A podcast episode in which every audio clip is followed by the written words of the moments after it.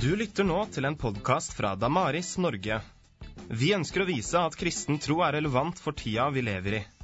Derfor er vi opptatt av å bygge en bro fra Bibelens verden til vår hverdag, ved å lytte nøye og søke å forstå både bibeltekstene og fortellingene i populærkulturen. Livssynsmangfoldet utfordrer, og vi vil ta utfordringa.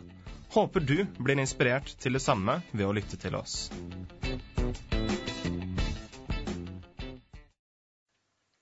Dobbel til Bibelen og til samtida. Om det å dele evangeliet i vår tid. Det er derfor du er her. Det er derfor jeg er her. Det er derfor vi er i hop og skal gå noen steg i fellesskap utover ettermiddagen. Med noen pauser. Jeg vet det står fra ett til fire. Der er selvfølgelig friminutt. Jeg er jo ikke lærer for ingenting. Vi har noen friminutt. Og Lars han eh, kommer fram litt, så det skal ikke bare være jærsk eh, kvinnestemme her framme. Men det er jo veldig gildt. Det må dere litt voksnere bare ta til dere. Når noen av de som er andreårsstudenter her, de er òg eh, litt sånn studenter på et deltidsemne, kommer til meg i pausen og sier vi er veldig klar, Margon. Takk for oppmuntringen. Dere er klar. Og jeg håper alle er klar. Men kan vi før vi går inn, kaste et lite blikk på den der lefsa dere har fått, så jeg er sikker på at dere iallfall skriver én ting i løpet av ettermiddagen. Og den ene tingen er å rette opp fødselsår og dødsår til vår kjære John Stott. For L1-tallet ble plutselig en null. Så det skal altså stå at han er født i 1921, og så døde han i fjor, i 2011. Så jeg sikrer meg at alle forstår det går an å skrive på dette her notatet.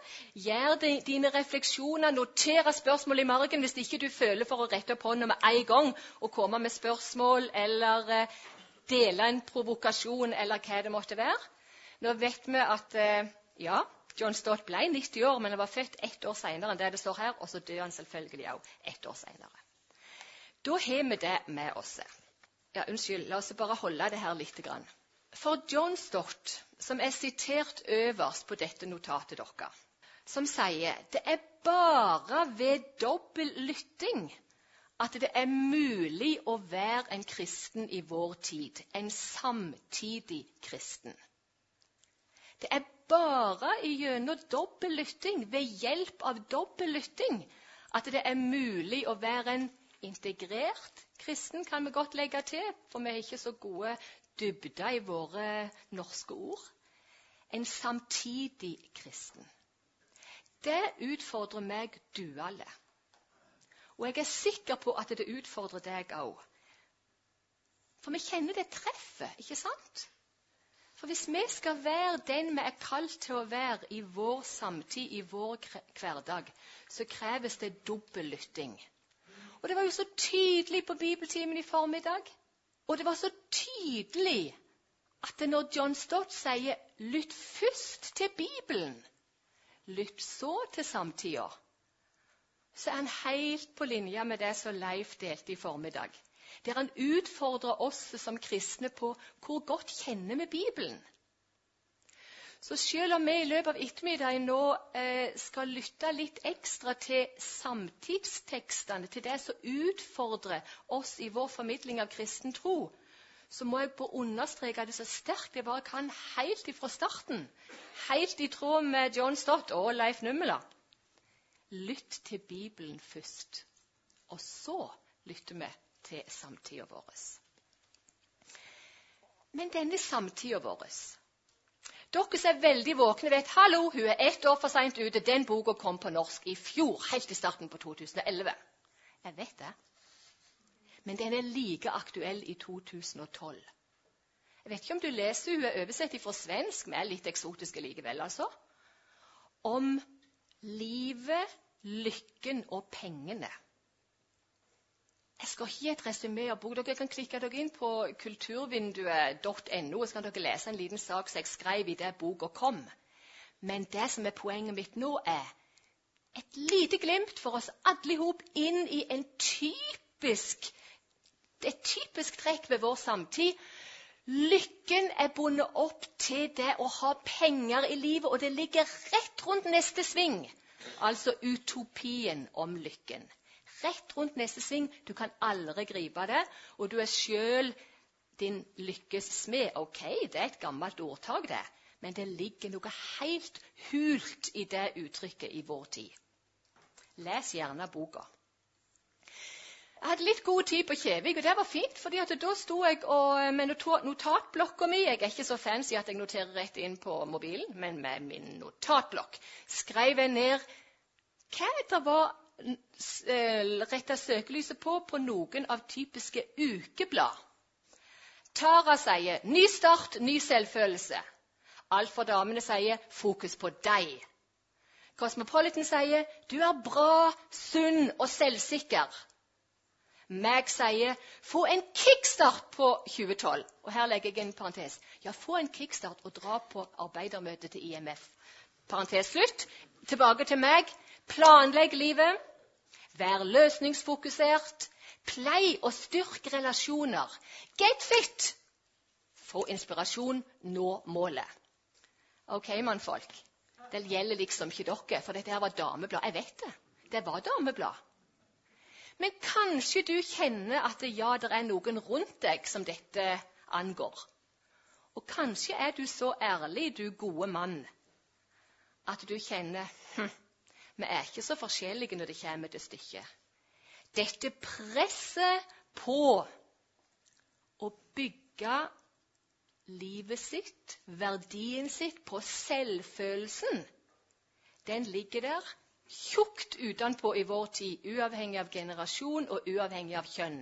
Men det er sterkere trøkk dess lenger nedover du kommer i, eh, i ungdomstida. Det må vi nok si. Men sånn til glede for mannfolka. Dere leser vel Vårt Land, ikke bare Dagen på mandag? Vi må lese begge deler, har jeg lært meg. 2. januar fra kall til selvutvikling. Hvis du ikke har lest den, så hiv deg over denne og ta en kopi. Jeg skal dele kopier, men jeg gir ikke fra meg saken. Rett inn. Protestantismen gjorde arbeidet til et meningsfullt kall. Individualismen har gjort det til et selvutviklingsprosjekt. Vi kunne hatt en hel ettermiddag, ja, et helt arbeidermøte med bare stikkord selvutvikling og utfordringen det gir til formidling av kristen tro i vår tid. Men nå toucher vi det bare. Og så gir jeg et lite, lite sitat. Den moderne individualismen har forvandlet ideen om kallet. Vi tjener ikke lenger Gud, men oss selv. Vår fremste forpliktelse overfor oss selv som individer er å realisere oss selv. Dermed blir arbeidet et redskap i selvformingsprosessen. Vi er privilegerte som får kjenne at arbeidet vårt er en plass vi får utfolde oss på. Ja, at vi utfolder vårt kall. Vi er der med vår integritet. Vi kjenner at det, vi står ikke bare og leverer noe, men vi formidler noe. Og vi så privilegerte formidler med frimodighet det som er det viktigste i vårt liv. Håper at vi alle kan få lov å kjenne at vi er der i kallet. Men det som er tilfellet i vår samtid, og som er tilfellet langt inn i våre egne rekker, det er at det settes et skille imellom kristen tro, og nå vi altså i våre egne rekker, og arbeidet. Slik at arbeidet blir en sånn sjølsentrert greie, og slettes ikke noe som har med kallet å gjøre. Kallet noe for alle ja. Så kommer vi videre inn på det etter hvert. Men dette bare for å ha en liten, liten peker til ett aspekt ved den tida som du og jeg er kalt til å lytte dobbelt i i en tid som denne, der individualismen, der meg og mitt, og der forpliktelsen overfor meg sjøl er det som har erstatta forpliktelsen overfor Gud som har skapt meg. For han er skrevet ut av manus på mange vis. Indremisjonsforbundet. Flott logo. flott fellesskap.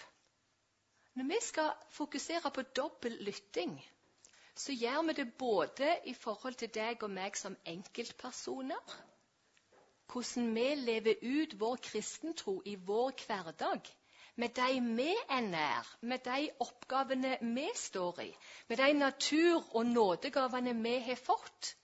Hvordan preges jeg av at jeg faktisk lytter mye til Bibelen? Og er der? og ser alt gjennom filteret som Bibelen har gitt meg, og lytter samtidig til samtida for å knytte an, for å prøve å forstå. Likevel så tenker jeg at når nå, de stegene vi skal gå i lag, så skal vi kanskje på en spesiell måte tenke innen rammen av vårt fellesskap.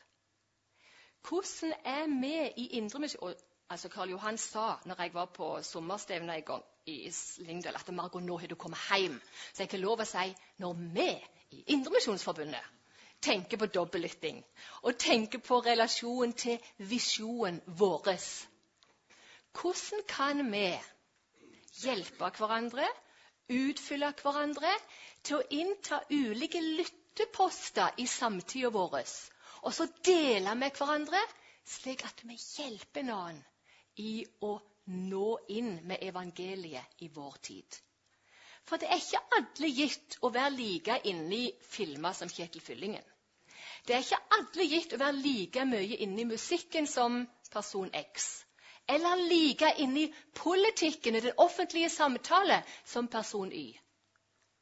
Men vi må ha fora for å dele, og alle har vi ansvar for å lytte.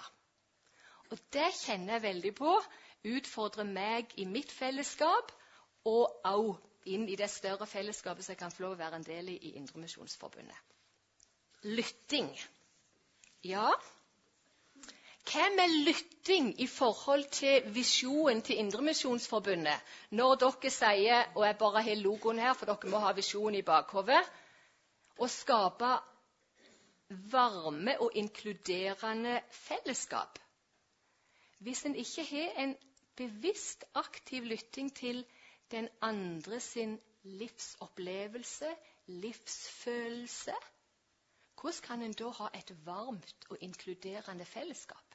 Det var bare ett lite hint om aktualiteten inn til den delen av deres visjon. Vinne mennesket for Jesus? Ja, hvordan kan en a contemporary Christian. Hvordan kan en være en kristen i vår tid og vinne andre for Jesus hvis en ikke lytter? Og hvordan kan en utruste til tjeneste? For det er jo den tredje delen av deres visjon, eller vår visjon. Hvordan utruste de, de truende til tjeneste, til det å dele og bære vitnesbyrd om Jesus Kristus? Husker dere hva Lars sa i formiddag når han siterte Cape Town? erklæringen. Dere har det sikkert på notatet i hvert fall.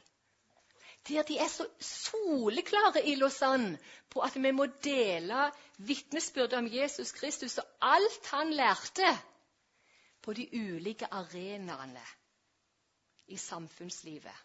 På de ulike områdene i det personlige livet. Alt det har med dobbel lytting å gjøre.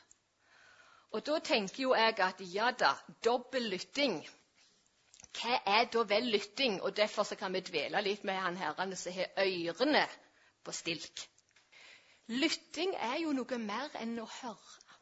Men vi har et litt fattig språk på norsk. altså Vi har ikke 'to hear and to listen'.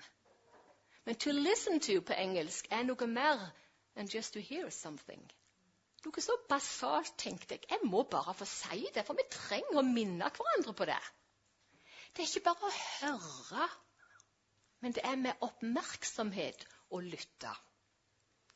Respekt for at det faktisk blir formidla noe som er verdt å ta inn over seg. OK, tenker du, kjære deg.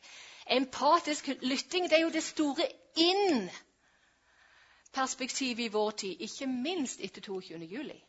Empatisk lytting komme nær, forstå. Ja, heldigvis så er det et innord, empatisk lytting. Men jeg er ikke sånn at jeg bare jubler med et heldig vis, for det er et men bak der. Og hva er det men? Det vet du like godt som jeg. Det er at det stopper meg hvis jeg bare ikke sant, lytter til deg, og du, jeg er veldig bevisst på at du har noe som er viktig for deg å få si, og jeg skal prøve å forstå deg. Men jeg skal på ingen måte vurdere det du sier, som noe annet enn at det er ditt perspektiv, det er din opplevelse. Ferdig med det. Dere hører hvor jeg vil hen. Jeg setter det litt på en spiss, men det er viktig ikke å ha så god mat, for dere kan fort sovne etter den gode lunsjen. Det er ikke inn å vurdere ut fra kategorier som sant, usant. Vi skal bare lytte med empati, og så stopper vi der. Jeg håper at det er riktig at det ikke er sånn at vi kan si 'vi stopper der'. Jeg håper vi kan distansere oss ifra det og si åh, vi vil ikke stoppe der'. Vi vil ha empatisk lytting i vår personlige relasjon, men vi vil ikke stoppe uten å faktisk ta inn over oss er dette sant, usant, altså å vurdere. Det som skjer, nemlig er at en blander respekt med Nå får jeg lyst til å tenke, Når jeg er i et stort auditorium, så er det så mange som har lyst til å si noe. Hva er det som skjer? Vi blander respekt med et ord som begynner på A og slutter med sept. Og da er det bare en K som mangler. sant? Aksept. Og det er hav av forskjell mellom respekt og aksept. Men i vår tid blandes det i hop. Vi vil respektere, men ikke akseptere. Og hvis vi da går litt videre til lyttingen med ørene på stilk Ikke til den ene som du har samtale med. Og for alt i verden ingenting kan erstatte relasjonen. Og Hvis vi ikke har fått det klart for oss i formiddag eh, når vi hadde fokus på apologetikk, så er det på tide at vi minner oss på det nå. Men du har all grunn til å ha fått det med deg for lengst. Apologetikk gir en grunn for det håp som er i deg. Det har med relasjon å gjøre. Og den viktigste lyttingen vår skjer alltid til Bibelen og til medmennesket. Men vi er nødt for å ta samtida på alvor og gå et steg tilbake, se på de store trekka. Og da hører du med en gang lytting og vurdere oh, til populærkultur, til samtidskultur. What? kommer det på godt engelsk da. For da bryter vi med en gang imot det som alle de unge studentene, som iallfall hvis de har vært innom Gimlekollen, tenker det er typisk seinmoderne eller postmoderne holdningen at mediemylderet det er jo bare noe nøytralt, underholdende greie. Veldig interessant. I ei tid der vi er så opptatt av empati når vi lytter til den ene, så går vi, fordi vi mener at den ene har faktisk noe å si, så glemmer vi det totalt når vi sitter foran eh, fjernsynsskjermen eller leser en god roman. eller hva det er. Tenker, ja, men Dette er jo bare underholdning. Vedkommende har egentlig ikke noe å si. Det viktigste er hva jeg opplever når jeg møter billedteksten eller romanen. eller hva det er. Har dere møtt noe av dette her i det siste? Eller dere hatt en så vidunderlig fredelig jule- og nyttårshelg? Vært helt fri for sånt? Jeg tror du kjenner godt til den myten, og jeg tror du utfordres på den gang på gang. Det er nemlig ikke noe som heter nøytral underholdning. Men jeg blir flau på våre vegne og våre Indremisjonsforbundet og Misjonssambandet og borti Ryttelet. Det vet jeg er tilfellet der òg, dessverre. Så mange av våre egne trossøsken tenker det er jo ikke så farlig, for det er jo bare underholdning. Jeg liker når tidligere studenter som har gått på journalistikk og KL, griper fatt i viktige saker. Om de da ringer meg midt i at jeg egentlig har ei freda stund med de tre ungene jeg er så heldig å være tante til, så svarer jeg fordi jeg ser det er en tidligere student. Hun vil meg nok noe. Og midt i romjula så ringte det jo ei. Og kanskje dere så det oppslaget i Dagen om en eh, rapport. Damebladene gir deg egoismens religion. Forskningsrapport. Det er blitt stuereint folk å forske på populærkultur fordi det er noen flere der ute som innser det er ikke bare underholdning. Og Hvis ikke vi kristenfolk våkner nå, så våkner vi aldri. Forskere som absolutt ikke vil vedkjenne seg kristen tro, innser, og det har begynt å, å, komme. Jeg må nok bare være ærlig på at når jeg i sin tid skrev min hovedoppgave om Dawson's Creek, ei tenåringssåpe, og spurte om livssynsperspektivet, så var jeg nok litt sånn solo. Men jeg ble ikke skubba vekk. I løpet av alle de årene som har gitt, er det gradvis blitt mer og mer innlysende at det er ikke bare underholdning. Og så sitter vi på våre bedehus og på våre bibelskoler rundt om og tenker ja, men det er jo ikke så farlig, det er jo bare underholdning og det er nøytrale greier. Det er ikke det. Når hun ringte og ville ha en kommentar, så var jeg selvfølgelig klar, men jeg sa om en time. Jeg må gjøre ferdig det jeg holder på med nå med ungene mine. Oh, glorie, glorie. Nei. Det er ikke glorie, glorie. Ego, ego. Kanskje det. Nei. Jeg tror faktisk det var noe med dette å ta det viktigste først, der og da, og likevel være til stede når en tidligere student ringer og vil ha en kommentar på noe som er så viktig. Hvorfor deler jeg dette? Fordi at eh, vi skal utfordre oss på hva gjør vi med det i våre sammenhenger. At det begynner å røre seg en bevisst lytting i forskermiljøene, i akademia, i mediesammenheng, til at det faktisk ja, det er ingenting som heter nøytral underholdning. Vi skal lytte først og fremst til samtida via mediene nå, nå utover. Vi skal det fordi vi lever tross alt i ei samtid som er så til de grader preget av mediene. Og så glemmer vi likevel ikke at det aller vesentligste er møtet med den ene. Men den ene er preget av budskapene fra mediene. No man is an island. Nei, vi er avhengig av fellesskap.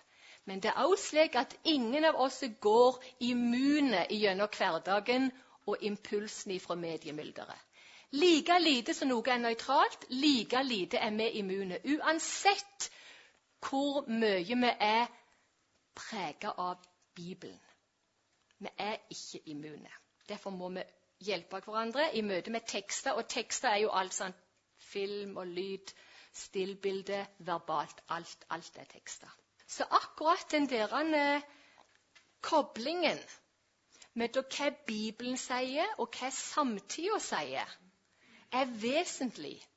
Og John Stott er jo soleklar på at eh, nettopp fordi samtida sine tekster, sine fortellinger, sier noe om hva som er viktig i livet, om det er noe mer der ute, røper noe om lengslene, røper noe om hva folk tror på, Altså fordi disse fortellingene og tekstene har spor av livssyn i seg, så er det avgjørende at vi bygger ei bru imellom de. More is said than what is spoken, står det på deres ark. Hvorfor i all verden sier det på engelsk? Ja, fordi det var en engelskmann som sa det som et direkte sitat. Og så er det så mye mer fengende å si det på engelsk enn å si på jærsk det er sagt så mye mer enn det du først legger merke til. Så la oss si det i kor, folkens. Så får vi en god schwung på rytmen, og så sitter det. Altså vi skal si More is said than what is spoken. Vi deler det i to. Det er mye bedre. Dere sitter der sier 'more is said', og så fortsetter vi med 'than what is spoken'. OK. En, to, tre. More is said than what is spoken. Just den husker dere det forever. Og Det viktigste er at dere omsetter det i praksis i deres hverdag. Alltid når du møter en tekst, så sies det noe mer enn det du først legger merke til. Det er noe mellom linjene. Det er noe bak.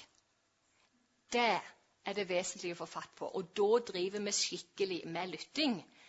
Vi er på hvorfor og hvordan, og vi er bevisste på det. Det er jo bare da vi kan bygge ei bru, ikke sant?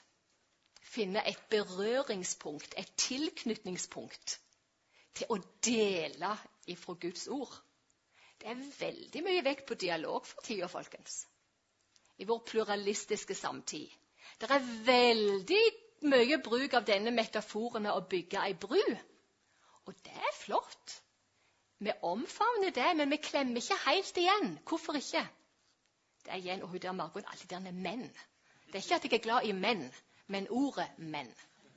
Ja, jeg er glad i menn. Jeg er glad i menn. Jeg er glad i én mann ekstra. Men hva er dette her menn? Jo, det er at vi stopper med alt det vi kan bekrefte i andre livssyn, i andre måter å møte livet på, hverdagen på, i alle hold andre holdninger. Vi stopper med det vi kan bekrefte, og så våger vi ikke å utfordre. Vi våger ikke å identifisere spenningspunkt. Igjen så håper jeg inderlig at når jeg sier 'vi', så er det i gåseøyne.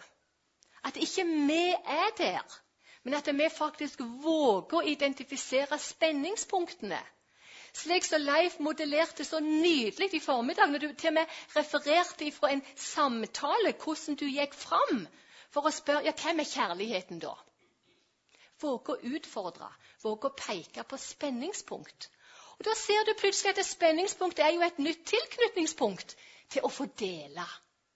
Jeg hadde en fantastisk opplevelse langt uti i det, det heter ikke Bushen på Madagaskar, men det var langt ut på den øde Ikke øy, men langt ut på en øde plass uten straum og alt det der. Og vi var to lærere fra Høgskolen i Norge. Den ene humanetiker, og så var det meg.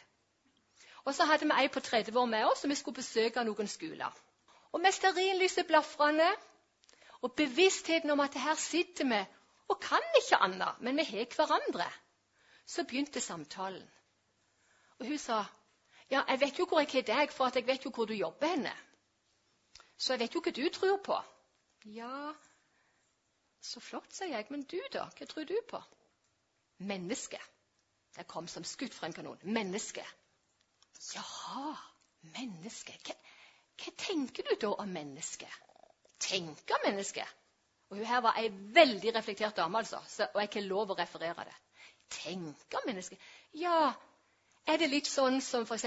Human-Etisk Forbund vil si i sine statutter, at mennesket er godt og fornuftig og ansvarlig? Og nei, det er absolutt ikke godt. Nei. Og likevel så tror du på mennesket. Og så kan jo ikke jeg referere ei lang Det var ikke ei hel natt, men det var mange timer samtale. Men jeg bare har lyst til å gi dere et lite glimt inn i hvor mange tilknytningspunkter er. Bare hvis at vi våger å, å utfordre spenningspunktet. Hvordan kan du si til mennesket Nei, det er ikke bare godt. Så hun kom tilbake og sa Margot, nei, du er mest frelst meg. Oi, sa jeg. Det kan jeg aldri gjøre. Men hvis vi kan få gå noen steg, og jeg kan få lov å være med å lede deg til han som virkelig kan, så og vi holder kontakten. Be gjerne for den. Dere kan ikke ane hvem det er. Be gjerne for den kontakten. Og så har du dine. Og så deler jeg det ikke for liksom, 'Å, så flink jeg var', men i djup takknemlighet for at det er midt der Oi, her er vi et helt døgn på oss. Så var jo Jesus der før jeg hadde rukket å bitte han om å vise meg hva vil du med dette. Og så bygger vi ei bru og møter folk der de er. Og Hun var soleklar på hun hadde aldri blitt møtt sånn før. Ingen hadde tatt hennes spørsmål på alvor. Hun hadde meldt seg ut fra kirken da hun var 16 år fordi kateketen ikke kunne svare på et eneste spørsmål hun hadde av djup karakter i konfirmasjonstida. Og Etter det så hadde hun bare kutta ut alt, for hun tenkte det går ikke an å være tenkende menneske og samtidig være en kristen. Det er mange der ute. Vi må bygge ei bru. Vi må lytte dobbelt. To the word and to the world. Første ordet, så samtida, verden. Og Dere har et lengre sitat her i eh, notatet deres. Og jeg ble jo så oppmuntra, Kjetil Fyllingen, nå må jeg bare løfte deg fram igjen. Gode eks-studenter, nå kollega i Damares og kollega i IMF og alt som er. Som sa når han hentet oss i går Å, du, den der boka av John Stott, den der Contemporary Christian and Urgent Plea for Double Listening å lese ett kapittel der er jo til å ha noe å tygge på i det uendelige. Våger dere kjøpe boka? Jeg håper det. Bare les sitatet her og grunn på det.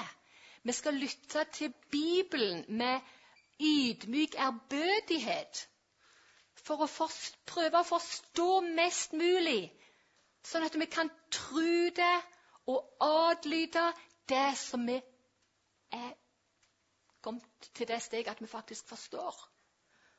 Og så skal vi lytte til verden, bevisst kritisk, veldig opptatt av å forstå det, ta inn over oss det som faktisk er riktig, og adlyde det når det er riktig, men ikke først og fremst det, men først og fremst å be om nåde til å oppdage hvordan evangeliet relaterer til de stemmene som vi har i samtida vår. Det er nemlig ikke noe sånn eh, sjølmotsigelse i dobbel lytting. Det er ikke et balansepunkt. Bibelen har alltid fortrinnsrett. Det er der vi begynner, det er der vi slutter, det er der vi er. Og det skal hjelpe oss til å vurdere det som blir sagt i samtiden vår. Derfor så har han denne klare dobbel avvisning òg. Fordi vi er kalt ikke til å bli som denne verden, men heller ikke til å være i en getto Escapism, ikke sant? det er å rime vekk. Escape from, gjemme seg. Og heller ikke bli konforme, bli som. Ikke getto, og heller ikke bare gli inn. Og her er det noen som har glidd godt inn. ikke sant? Det er mye lettere på et vis å gli inn i vår tid, fordi at vi har ikke så mange ytre markører på det å være kristen. Iallfall ikke hvis jeg sammenligner min generasjon med de to som gikk føre. Det var mange flere tydelige ytre markører på å være en kristen da enn det er i vår tid. Så vi står jammen i fare for å gli inn. Vi skal ikke være i en getto, vi skal heller ikke gli inn. Men vi skal være i det der bevisste punktet som Paulus utfordrer oss på. Han er litt av en uh, rollemodell for meg. og jeg tenker godt grep om hoften, liksom. For jeg er dame, ja, men jeg har en mann som en rollemodell. Paulus. Ikke bare Aten.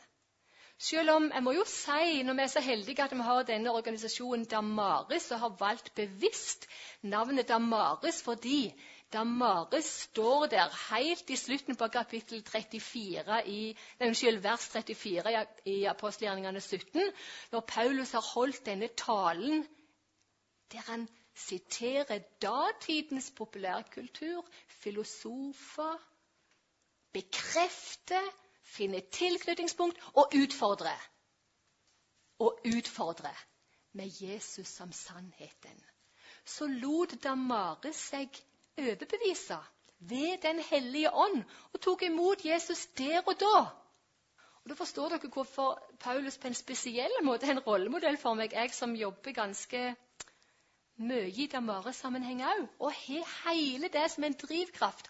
At ved at jeg våger å lytte til samtida, våger å gjøre litt sånn som Paulus i vår samtid, så er det fordi jeg ønsker så inderlig at flere skal oppleve det Damaris i Aten opplevde. At ved Den hellige ånd så tok hun imot Jesus som sannheten. Så kan jeg jo godt ha Spødjen òg. Altså, jeg er jo så glad i avisen, om det er Vårt Land eller Aftenbladet eller Jærbladet eller Dagen eller hva det er. Nei, jeg har mine, mine favoritter. Men Spødjen var ikke opptatt av favorittene, han var opptatt av hva avisa sto for symbolsk.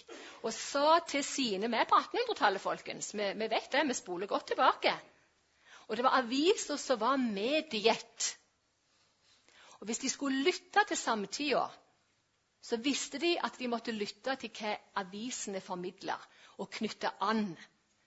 Og de var predikantene, pastorene, som Spurgeon hadde et ansvar for. Han utfordret de kraftig. Og så har vi jo John Stotter, som utfordra på den doble lyttingen, og er en av de første evangelikale i England som samla ei lita gruppe og sa vi er nødt for å nærme oss filmmediet. Og vi er nødt for å sette oss i hop og lese noe moderne litteratur. For samtidig skal vi lytte til den, så må vi lytte til hva populærkulturen formidler. Derfor har jeg tillatt meg i deres notat å skrive John Stott og populærkulturen. Er noen av dere som har hatt gleden av å være på London Institute for Contemporary Christianity? Det er nesten vanskelig å si. Nei. Kanskje du får en mulighet til å unne deg det? De, John Stott starta dette instituttet i um, forlengelsen av, av All Souls-kirka rett ved Oxford Street i London. Jeg snakker som trodde det var Markens i Kristiansand. Men, men og Oxford Street er mye mer kjent enn Markens i Kristiansand. Han starta opp dette instituttet i forlengelsen av at han med ei lita gruppe hadde våget å nærme seg populærkulturen med dette bevisste blikket. Dette er ikke nøytralt. Dette formidler spor av livssyn. Dette hjelper meg til å komme nær de jeg skal dele evangeliet med. Og så skal vi være veldig klar på at det er to sider ved virkeligheten, folkens. Ah, trenger ikke si det til dere. Vi vet det. Men tar vi det inn over oss? At vi er skapt i Guds bilde, ja. Kulturen er fantastisk når vi tenker at eh, kreativiteten får lov å blomstre i tråd med Guds vilje, Han som ga oss kreativiteten. Og det er mye vakkert der ute. Det er mye oppløftende. Det er mange delsannheter der ute. Fordi det er skapt av mennesker som er skapt i Guds bilde. Og Det er vel litt der vi er i vår tid, at det er så mange vil bare være i det aspektet. Og bekrefte alt det som er sånne gode pekere til at Gud har skapt alle, som er å ære det sanne, det gode, det byggende. Men så er det en annen side, og jeg vet ikke om dere syns illustrasjonen er så god, men nå ble han jo bare sånn. Det nedbrytende. Kulturen er forferdelig. Da får vi lyst til å gå og gjemme oss. Da får vi lyst til å en, være i en gettotilværelse. Da får vi lyst til å bare slå opp teltet på fjellet. ikke sant? La oss slå oss ned her. Men det er ikke det vi er kalt til. Contemporary Christian. En kristen i vår tid, i en tid som denne, der vi har begge deler i fullt munn. Et sånn et lite apropos ser dere på um, arket deres. Quentin Schultz han er en kristen medieanalytiker fra USA som sier at uh, populærkulturen er som en sekulær bibel for vår tid. Fortellingene viser hva folk tror på, hvordan de tror, og til og med hvilke bud og regler en bør leve etter. Ja, så når vi forholder oss til populærkulturen, som både det byggende og det nedbrytende, så forholder vi oss til tekster som på et vis er en liten speil av mannen i gata. Ikke ungene i gata til Ajax i Stavanger, men mannen i gata. Fordi at det røper litt av hva som blir ansett som å være viktig i livet. Hva som blir ansett som å være vesentlig å jobbe for. Hva som bør være målet for vårt liv.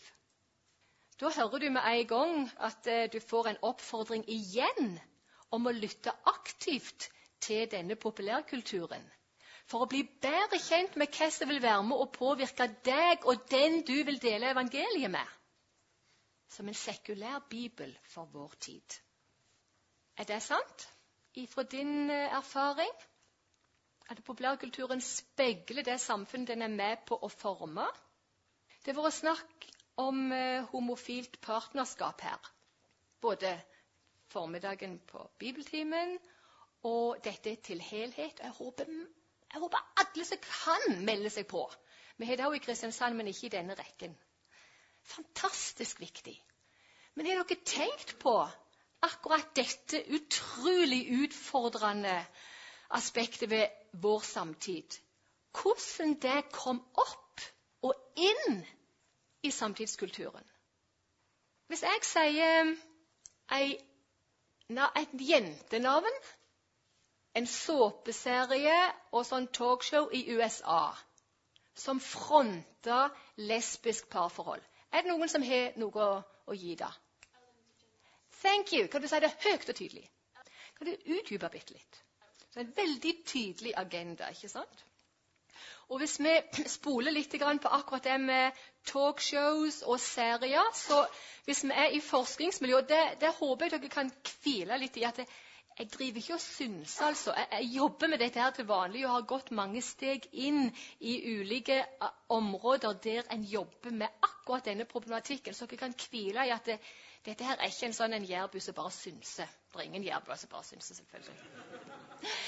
Eh, men det utrolig interessante og utfordrende for meg har vært at når jeg har arbeidet med tenåringssåper, såpeserier, så har jeg sett at det er der tabuene krysses først.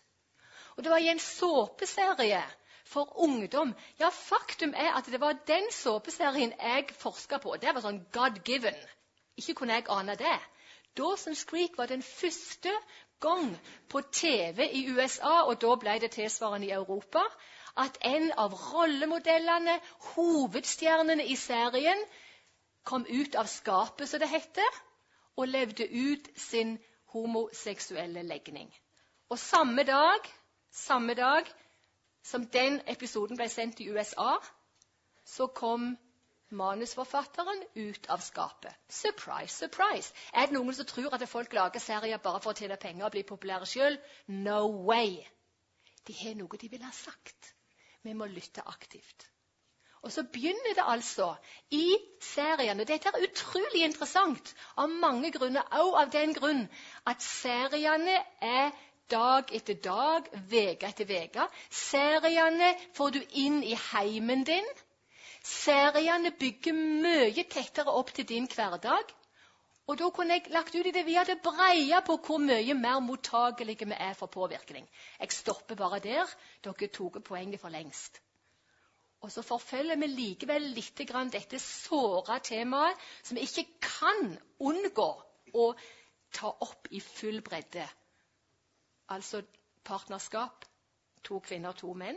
Og så går vi rett inn i filmverdenen og du tenker selvfølgelig enten Brokeback Mountain, hvis du er litt global av deg, eller du tenker 'Mannen som elsket Yngve', hvis du er mer Stavanger.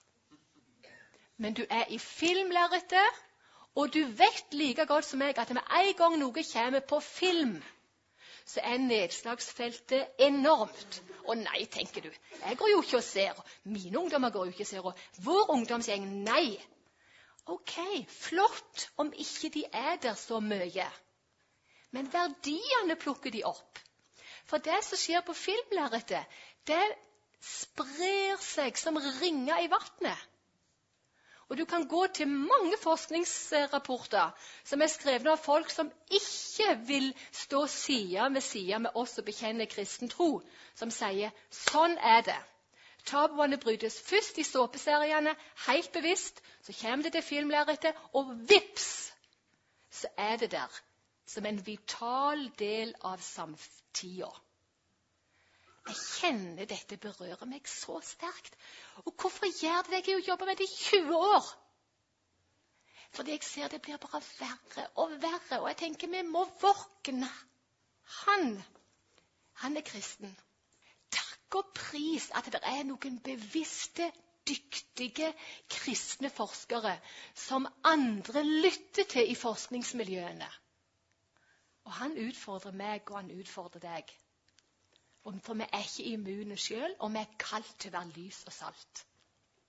Og Skinnes, denne herlige iren, sosiologen, teologen, den dyktige formidleren, apologeten først og fremst den medkristne Oss Guinness. Han sier det å tenke intelligent i vår tid, det er jo faktisk å tenke livssynsmessig. Ok, Vi vil alle være intelligente. Ok, Da er vi nødt til å gå unna da, debatten om homofilt, heterofilt partnerskap og spørre hva syn på livet, hva syn på virkeligheten, hva syn på mennesket er det som ligger her? Og vi ser med en gang det er jo et fullstendig krasj med Bibelens store fortelling, som Leif igjen liner opp så nydelig for oss og snakket, snakket om ryggmargen i kristen tro. Det må vi ta med oss i møte med mylderet av fortellinger og av tekster i samtida vår. For det er å lytte dobbelt. Og det er å være der med, med integritet. Jeg har ikke funnet noe gate som heter integritet i Norge. Iallfall ikke funnet noe gateskilt som røper at sånne gater fins. Så da tyr vi til engelsk, ikke sant? For Da tror jeg du husker det bedre. Å se for deg en bibel oppslått ved sida av gateskiltet 'Integrity', det utfordrer helt sikkert deg òg, ikke bare meg. Og så har jeg gitt noen bibelhenvisninger som er med å understreke, som jeg ønsker så at eh, vi kan gå inn i og reflektere over og grunne på og be over. Dere kan gjøre det i gruppe, dere kan gjøre det hver for dere. kan ta det med inn i den sammenhengen som du kommer ifra. Og ta på alvor at eh, vi er der som hele kristne når vi lytter dobbelt. Det er ikke et motsetningsforhold der, men det er ei bru som bygges, men hovedtyngden ligger i Bibelen. Og Da faller du ikke i den der grøfta, gjør du det? Hvis du skal leve som en kristen med integritet, så er du ikke der. Jeg sier ikke at ikke du går med et bibelvers kanskje trygt på T-skjorta di, men du har ikke noen feite type som sier 'La oss snakke om Jesus'. Det er liksom ikke det Ok, Det inviterer de som er helt klar, som Den hellige ånd har fått jobbe så med at Og endelig er det noen som vil snakke med meg om Jesus. Jeg mener ikke å karikere, altså. Jeg mener ikke det. Men det er ytterst sjelden at noen er der. Så når jeg stenger opp den, så var det liksom meningen dere skulle smile litt, men dere er altfor trøtte. Dere trenger en pause. Men det å ha integritet i vår hverdag som kristne i vår tid, det er å ha den åpne Bibelen og la den prege vår vandel og vår vandring. Og lytte aktivt både til de tekstene som florerer i mediene, og til de tekstene som vår medvandrer deler med oss. Og da er gjerne ikke det stryk gjerne, da er ikke det måten å gå fram på. Men dere trenger en pause. Det er helt greit. Dere skal få en pause. Jeg er jo lærer, som sagt. Men ti minutter En lærer gir aldri mer enn ti minutts pause. Da var klokka ti på halv, og dere er jo så presise. Dere går studentene en høy gang. Nei, ikke helt, ikke helt men meste. meste. Veldig bra. Um, dere ser at uh, den der uh, lefsa dere fikk, er ganske innholdsrik. Og hvis dere nå har begynt å tenke på Herlighet, vi forstår jo hvorfor hun Margunn fikk dobbelt så lang tid som mannen. Men likevel kan du umulig klare alt dette fram til vi skal ha en velfortjent eh, pause klokka fire. Altså, Jeg har ikke tenkt å bruke like mye tid på hvert punkt. Men jeg er litt nøyen på det der at jeg vil når jeg er ute og deler noe, så vil jeg liksom sikre meg at det, det er mer enn det som skjedde der og da. For det som skjer her og nå, er avhengig av både min form og din form. Og mye, mye imellom det. Så jeg ønsker at du skal ha sjanse til å kunne gripe litt tilbake. Og så er det noe du trenger, og så er det noe annet en annen trenger. Og så er det iallfall noen pekere der til å gå videre. Så ble det sagt i pausen her Margunn, du er egentlig litt for beskjeden. Det var undertittelen i det som ble sagt. For det som ble sagt direkte, var Margon, jeg er overrasket over at ikke vi hørte noe om denne boka 'Manus for livet'. Men jeg hørte du er egentlig litt for beskjeden. Og i vår postmoderne tid så ligger jo meningen i min tolkning, så det er så greit. Men denne boka, den, den er faktisk ikke så verst, for å si det mer sånn sørlandsk. Den er ikke så verst. 'Manus for livet film som verktøy i trosopplæringen' er en bok som vi i Damaris Norge har gitt ut på IKO-forlaget. Og Når jeg sier det her i vår lille getto, for nå er vi i en liten getto, da kommer det ikke ut Ok, Jeg har vært styreformann i Lunde i lang tid, og jeg er en varm, varm tilhenger av Sambandet. Likevel så er jeg kjempeglad for at det er IKO-forlaget som kunne gå i lag med Damaris Norge og gi ut ei bok som knyttes rett opp til trosopplæringsplanen for Kirka den norske, og som viser med all mulig tydelighet, og det mener jeg faktisk er helt riktig, med all mulig tydelighet hva dobbel lytting er, og hvordan bygge ei bru fra Bibelen til samtida, og gang på gang på gang være soleklare på Jesus som sannheten. Og Det som gikk opp for meg i arbeidet med denne boka, var at når jeg dukka inn i trosopplæringsplanen for Kirka Den norske, som det er så mye bra med, så er det noe som det er et taust fravær av. Nemlig hvorfor akkurat Jesus? Sannhetsspørsmålet det er så å si ikke berørt. Men det er et lite hint som gjør at vi griper det med begge nevene.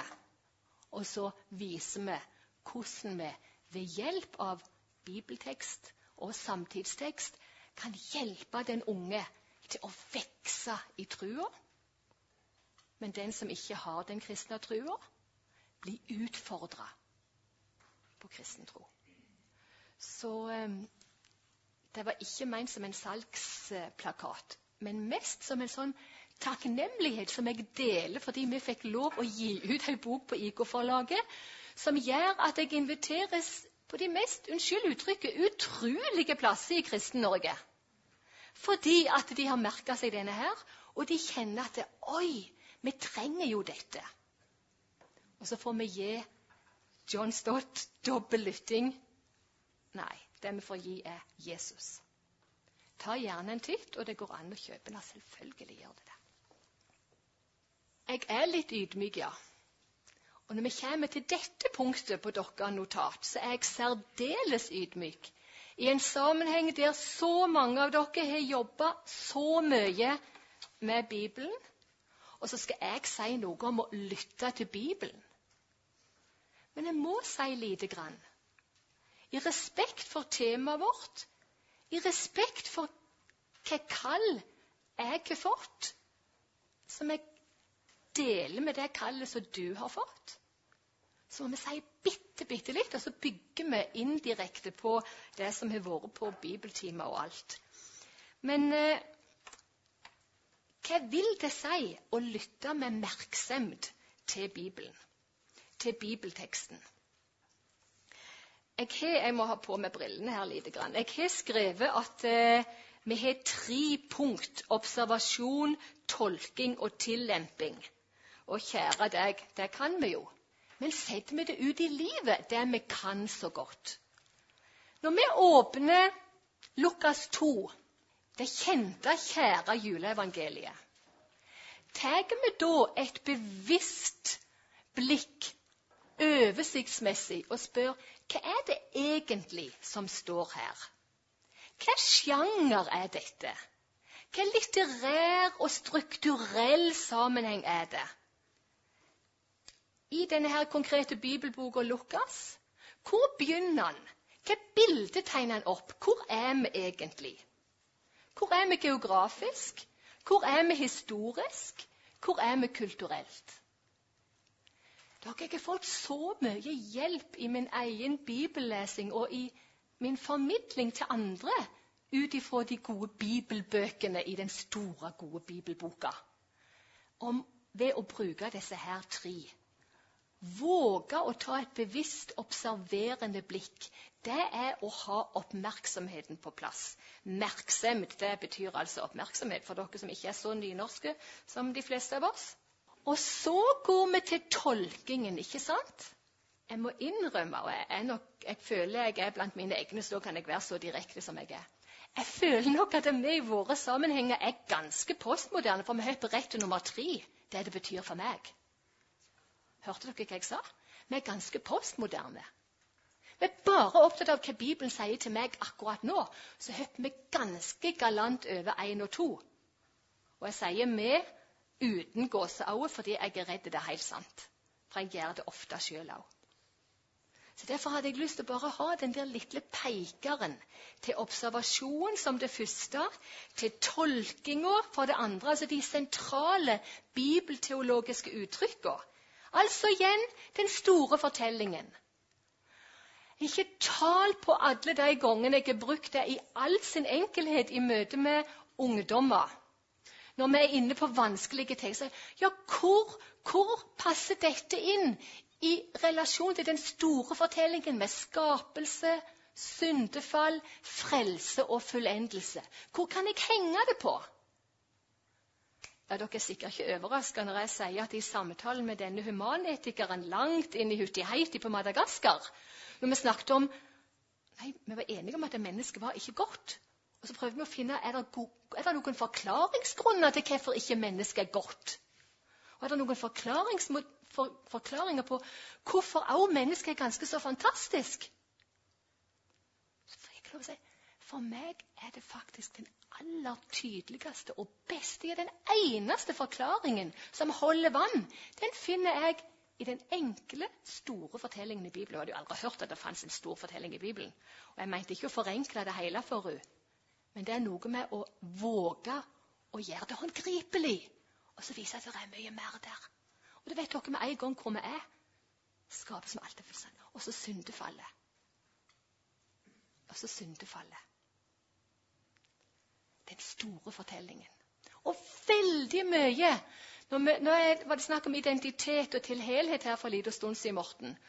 Og du sier de som sliter med sin seksuelle identitet. Og så får jeg lyst til å legge til alle vi som sliter med noe i forhold til vår identitet. Og så er vi igjen rett tilbake til en peker til syndefallet. Jeg vet veldig godt at jeg nå ikke er i en spesifikk bibeltekst, men modellen er den samme. Det vi erfarer i vårt liv, og de ulike bibelavsnittene vi leser. Vi må spørre oss hvor passer det inn i den store sammenhengen. Og det å da ha de der fire SS, skapelse, syndefall, FF, frelse, fullendelse, er utrolig pedagogisk og greit som en sånn innfallsvinkel.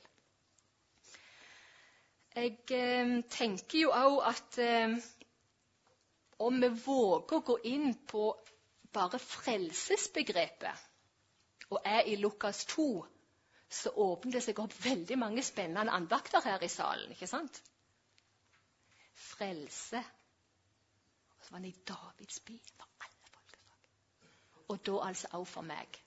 Og så er vi der som vi aller helst liker å være. Og det passer godt. Det klør i øra på de postmoderne medmenneskene våre.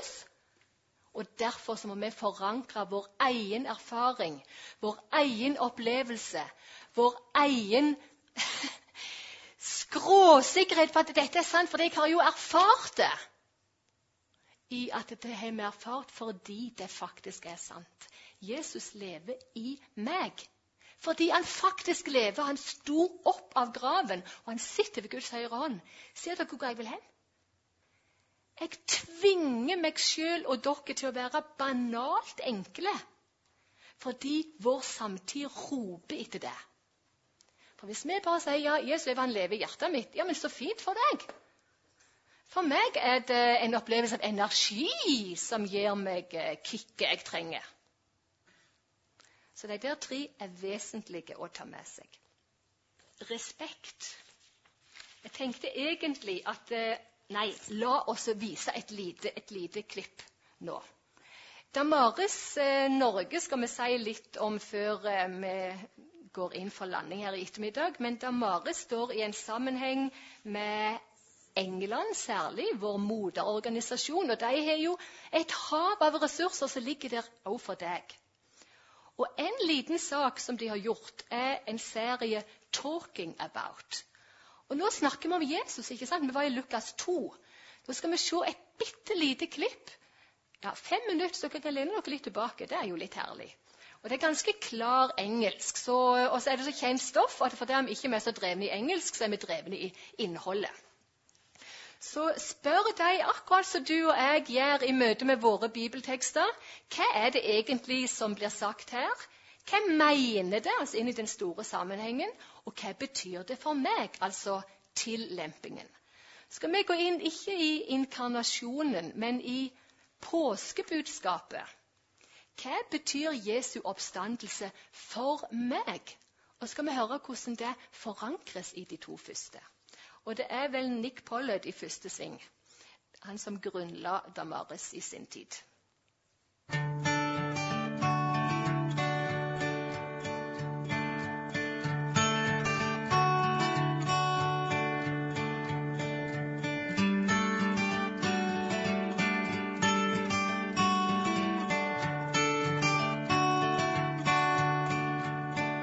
Then I saw a new heaven and a new earth for the first heaven and the first earth had passed away, and there was no longer any sea. I saw the holy city, the new Jerusalem, coming down out of heaven from God, prepared as a bride beautifully dressed for her husband.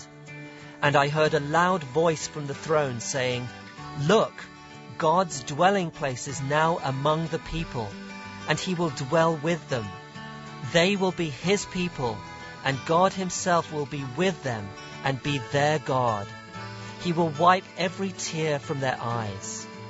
There will be no more death or mourning or crying or pain, for the old order of things has passed away. We're given such a wonderful vision of what a new heaven and a new earth will be like uh, in the scriptures. Sometimes it can lead Christians to become a bit detached from this world. But we need to recognize that because we know that God will fulfill his promise to us, because we are kingdom citizens of that new heaven and earth, that we live that out in the here and now. We bring that hope, we bring that fulfillment, we bring that promise to our lives as we live them in this world today. And we know that in all things God works for the good of those who love him, who have been called according to his purpose. A lot of people, when you say that verse, they, they hear only good things will happen to those who love God. And it doesn't say that. In fact, in the rest of that chapter, Paul spells out some of the things in his life, which include prison and beatings and rejection and, and hairbreadth escapes from danger. What that verse says is no matter what happens to you, God can work good out of it. In fact, can work good in you through this thing. The reason we have that confidence, as Paul explains in that chapter, is because of the resurrection of Jesus. Here, the worst thing that could possibly happen in human history turned out to be the best. It turned out to be the salvation of the world. And that's, that's the promise that we have. No matter what happens, what evil, what suffering, no matter what happens in this world, somehow it doesn't separate us from the love of God, Paul says. But somehow God could even take that thing and make good out of it in you and in the world. The resurrection is the strong promise we have that that can happen. You will receive power when the Holy Spirit comes on you, and you will be my witnesses in Jerusalem and in all Judea and Samaria and to the ends of the earth. After he said this, he was taken up before their very eyes, and a cloud hid him from their sight. They're standing there on a hilltop, and Jesus talks to them. He, he tells them, Your job is to go and spread this word all over the world Judea, Samaria, the outermost parts of the earth. And then he just disappears. He lifts up in the air, the ascension. And they're standing there with their mouths open. Where, where'd he go? Where'd he go? And they had just said, Now, now are you going to restore the kingdom to Israel? See, even now they've missed the message. They think Jesus is going to, to do the power Messiah thing. He says, No, it's up to you now. And he disappears the angels come and says, says the angel comes and says to them, "Why are you gazing in the sky? You know, what are you looking for?" Well, in a sense, we're all gazing. We're all wondering when is Jesus coming back, because we do have the promise that that Jesus is going to come back the next time in power and glory. We have a time before that dramatic second coming. We have a time when it's really up to us to show the world what God's love is like, what God's grace is like, what God's justice is like. And then the next chapter is up to him.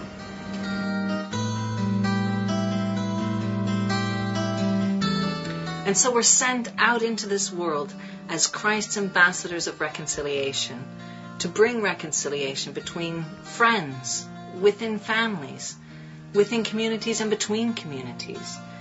We're His kingdom agents to bring transformation that might not change the whole world in one go, but it changes the world around us.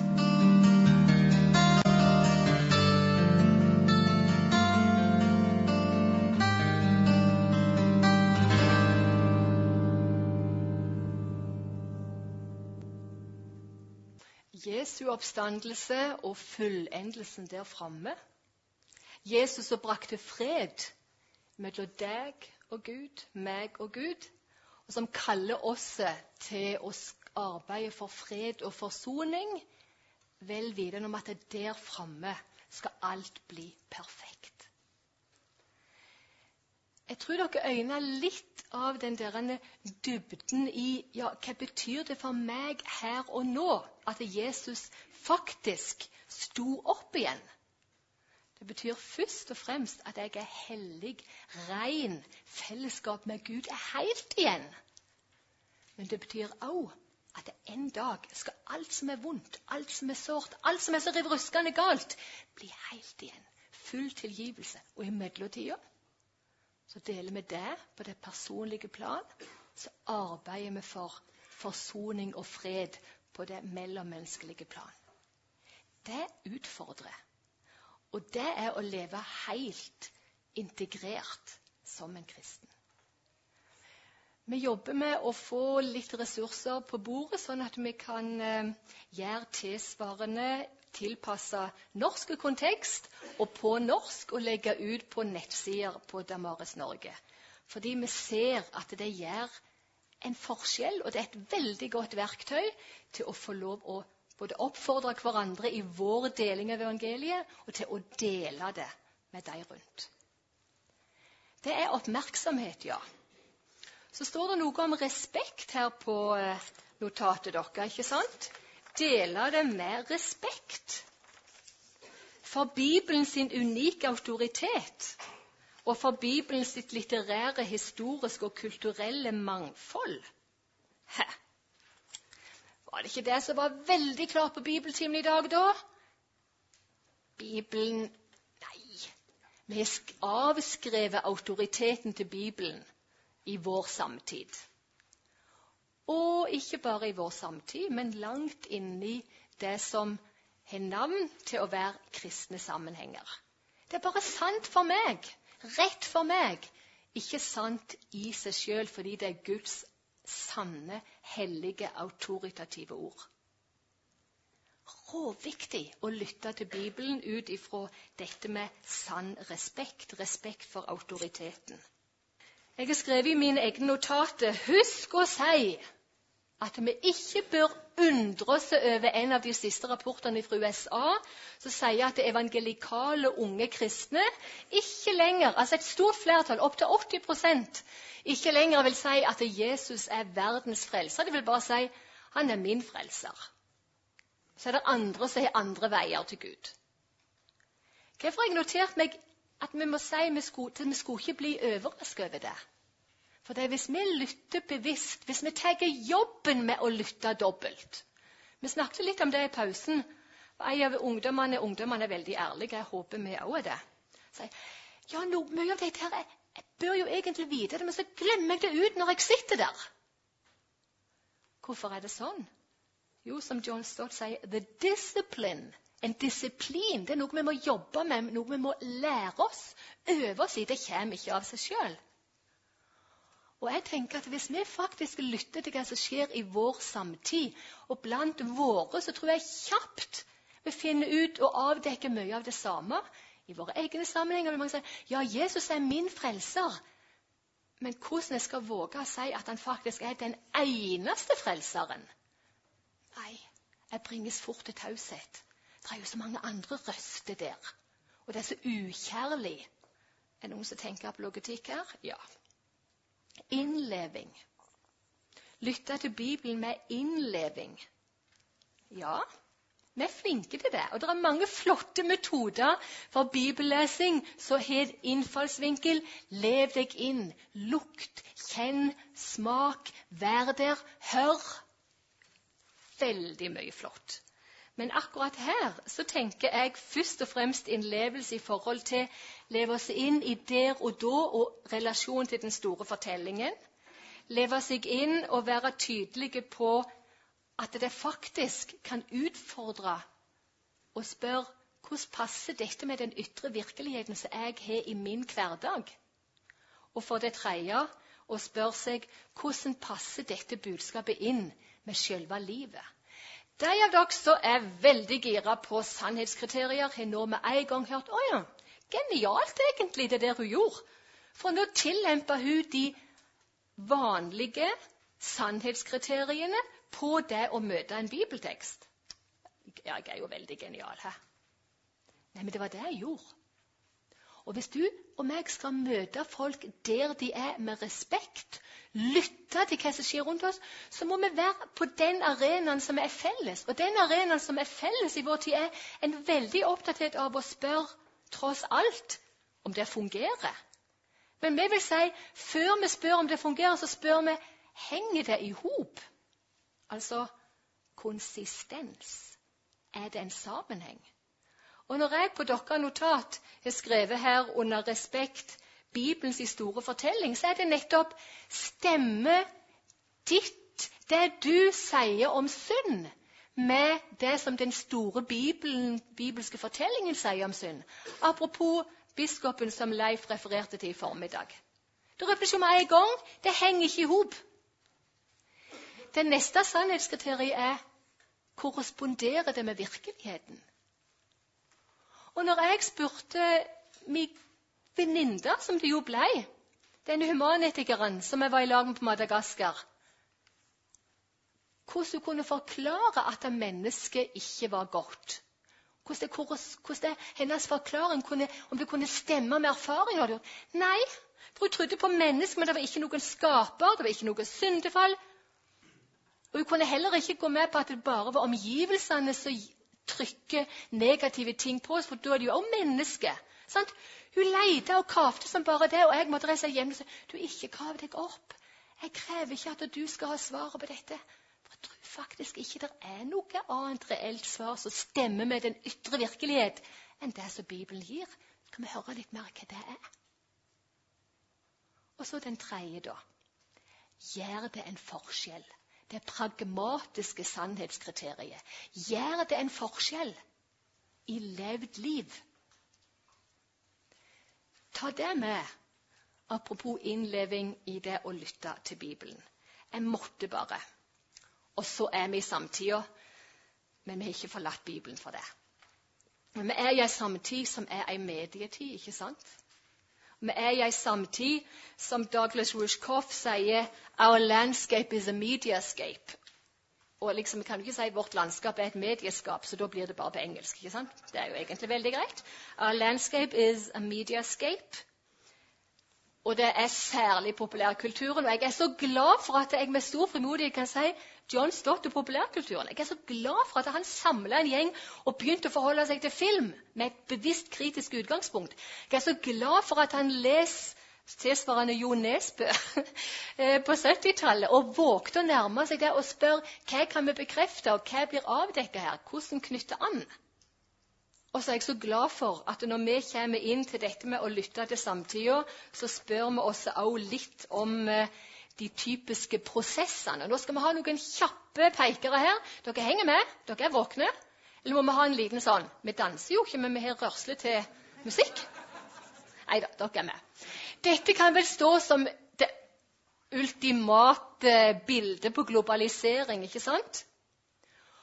Lenge var det et veldig eksotisk bilde for meg. Helt til jeg ser akkurat det samme ikke i Kristiansand, for det har jeg ikke sett ennå, men i Oslo har jeg sett det. Da er det alt annet enn eksotisk. Da er det utrolig nærgående. Og det står for meg som det ultimate bildet på globaliseringen, på livssynsdimensjonen som den bærende og markedskreftene. Og så har vi linken med en gang til ok, der teknologien går, der går mediene. Der mediene går, der går mangfoldet, og der går livssynsmangfoldet. Og så hadde Lars og meg det enorme privilegiet og samtidig kjempeutfordrende oppdrag i Cape Town i førfjor på den Lausanne 3-kongressen om å gjøre akkurat dette. Ta globaliseringen på alvor inn i den verdensvide kirke med de store utfordringene og mulighetene det gir. Og så var vi plutselig på Madagaskar før jul og hadde kurs for Bibelselskapet Madagaskar i dette. Fordi på Madagaskar innen to måneder så har alle områder i landet tilgang via bredbånd til alt. Hvor er vi for å gi hjelp? Globaliseringen. Og hvor er vi i Indremisjonsforbundet? Hvor bevisste er vi på å lytte til stemmene. Hvordan tar vi de globaliserte verdiene i populærkulturen inn i vår sammenheng? Fordi det er livssyn vi snakker om. Pluralisme eller pluralisering står som den neste prosess. Skal ikke holde foredrag om dette. Det er bare for å ha noen peikere. Valgfrihet, valgmulighet på alle plan, men særlig på livssynsmarkedet. Og da kjenner jeg så på at vi har lenge snakket om the smørgåsbåt factor. Ja, svenskene klarte å få snike inn et ord i engelsk. De gjorde det. Smørgåsbodet. Der vi har linet opp islam, buddhisme, hinduisme, kristentro, humanetikk Ja, jeg har ikke mer plass. Og så vet vi at fra første år på skolen så får ungene dette linet opp for seg. Dette har vi visst en stund. Dette utfordrer oss en stund. Men det jeg er redd vi ikke har latt oss utfordre på, og som jeg kjenner veldig vi må hjelpe hverandre til i den dobla lyttingen, det er hvordan pluraliseringen er som ei væske inn i vårt eget livssyn. Det var så vidunderlig bibeltime. Så utfordrende og så sterk og så bekreftende på at Gud har vært her og lagt opp planen for denne dagen. Fordi det som vi gang på gang ble minnet om i bibeltimen i dag, var jo nettopp hvordan en går inn med sitt eget perspektiv og tolker Bibelen, for autoriteten er vekke, legger vår mening i det og plukker ut det som passer for oss. Vi lager en kompott av det kristne livssynet. Det er ikke bare det at vi plukker ifra ulike alternativer. Jeg tror dere er like utfordra som meg på det. Forhåpentligvis har dere tatt det inn over dere for lengst, men jeg er ikke så sikker på om vi har klart å gjøre noe med det vi tok inn over oss. Vi må hjelpe noen til å gjøre mer på det. For vi bør si bitte litt om eh, sekularisering, kanskje. Hva tenker du på med sekularisering? Jeg går ikke gå i dybden, men jeg tror vi først og fremst bare skal være i det begrepet med tanke på at det, det overordna perspektivet på livet, på hverdagen, på det offentlige liv men religiøst er liksom vekke. Samtidig som du vil si ja, men det er det jo hele tida. Folk valfarter jo til kirken etter 22. juli. Hele, både kongehus, uavhengig av engletro eller ei, gikk jo til nattvær, og vi har alt. Vi har humanetikerne på fremste benk i Oslo domkirke etter 22. juli. Så det er på en måte en overbygning der. Men hva slags? Det er noe med uthulingen. Det er noe med uthulingen. Privatiseringen har dere som et eh, stikkord på slutten, men jeg skrev vel inn sakralisering, ja. Fordi når ikke det hellige er der, i form av det som virkelig er hellig, Gud, så erstattes det med noe annet. Hva er hellig for folk i dag? Veldig mange har fotballen som en hellig sak. Andre har fritida si som det hellige. Jeg tenkte bare ved å si den privatiseringen først, at det, bare et par minutter at en skulle snakke der en var, og så trekke ut iallfall én av disse her prosessene, ett av disse stikkordene, og dele noe fra din hverdag som har utfordra akkurat på det. Men privatiseringen Jeg har bare notert for meg sjøl når trua privatiseres, så blir det mer utfordrende og vanskelig for oss som ønsker å leve et integrert kristenliv, å relatere trua til fag som student, til yrke som yrkesaktiv, til liv. For jeg tror nemlig det er så lett for oss å bare si ja, alle de som nok har ei tru, men de vil ikke vise det. Det er en enorm utfordring og en enorm mulighet for oss å få knytte an til dem. Jeg grein mine modige tårer når ei tante og meg gikk til nattverd på første juledag. Hun har hatt ei tru gjemt langt her inne i årevis, og endelig, endelig så kunne hun få kjenne at ja, men dette er ikke en privat greie. Men vi utfordres i eget liv i ei tid der det er så greit å tro, bare du ikke bryr andre med det. Til å glemme hva det innebærer å være integrert, og la trua ha en reell konsekvens for hvordan vi lever livet, for hvordan vi er som student, hvordan vi studerer, hvordan vi jobber. At livet er et kall. Alt er et kall. Alt vi gjør, gjør det som var det for Herren og ikke for mennesket. Men la oss ta en kjapp titt på, eh, på de neste, der det står fire sentrale livssynsimpulser. Og når det står deisme i første sving, så får jeg litt lyst til å spille an på en sang som vi gjerne husker fra ungdomstida, vi som er på sånn 50-årssida nå. Love is all around me. Og så kommer det et sitat som ikke sier 'love is all around me', men det sier 'God is all around you all the time'. He believes in forgiving people and whatnot, and He is there to guide us, for somebody to talk to, and help us through our problems. Of course, He doesn't talk back.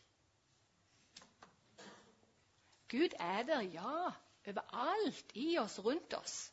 Det er ikke love, men det er Gud som er alt. Men det er klart, han snakker ikke tilbake. Hva er dette for noe? Dette er det som på fint fagspråk heter varm deisme. Terapeutisk deisme. Og Kjetil, hvis dere vil hive dere over Kjetil i pausen, så har dere lov fra meg. Da-da. Kjetil har skrevet om dette på, på bloggen din. Ja. Kjetil Fyllingen sin blogg har utførende info om varm deisme. Terapeutisk deisme. Og Det skal ikke vi lese fordi å, det er så interessant. Men vi skal lese det fordi det utfordrer oss i vår hverdag, fordi det brer seg så den holdningen at ja, Gud er der, og han setter oss på fanget, og han trøster, og han hjelper, men han snakker ikke tilbake, og det er ikke en hellig Gud. Hvis dere er på catwalken gjennom vestlig historie knyttet opp til hva livssynsperspektiv som har dominert til hver tid, fra 1700-tallet og fram til vår tid, så har dere begynt på teismen, kristen teisme. Gud skapte, Gud holder oppe, Gud er. Og vi er i kristenteisme. Så går det et steg, sier nei, Gud, Gud skapte en gang, men han har trukket seg tilbake. Det er som et urverk nå. Han, bare, han er der, men han har likevel trukket seg tilbake.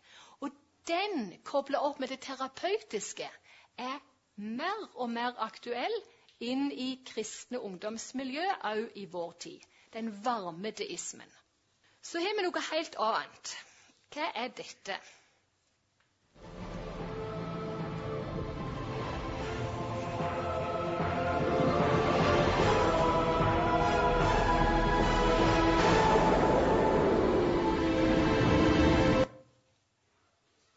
Hva er det for noe?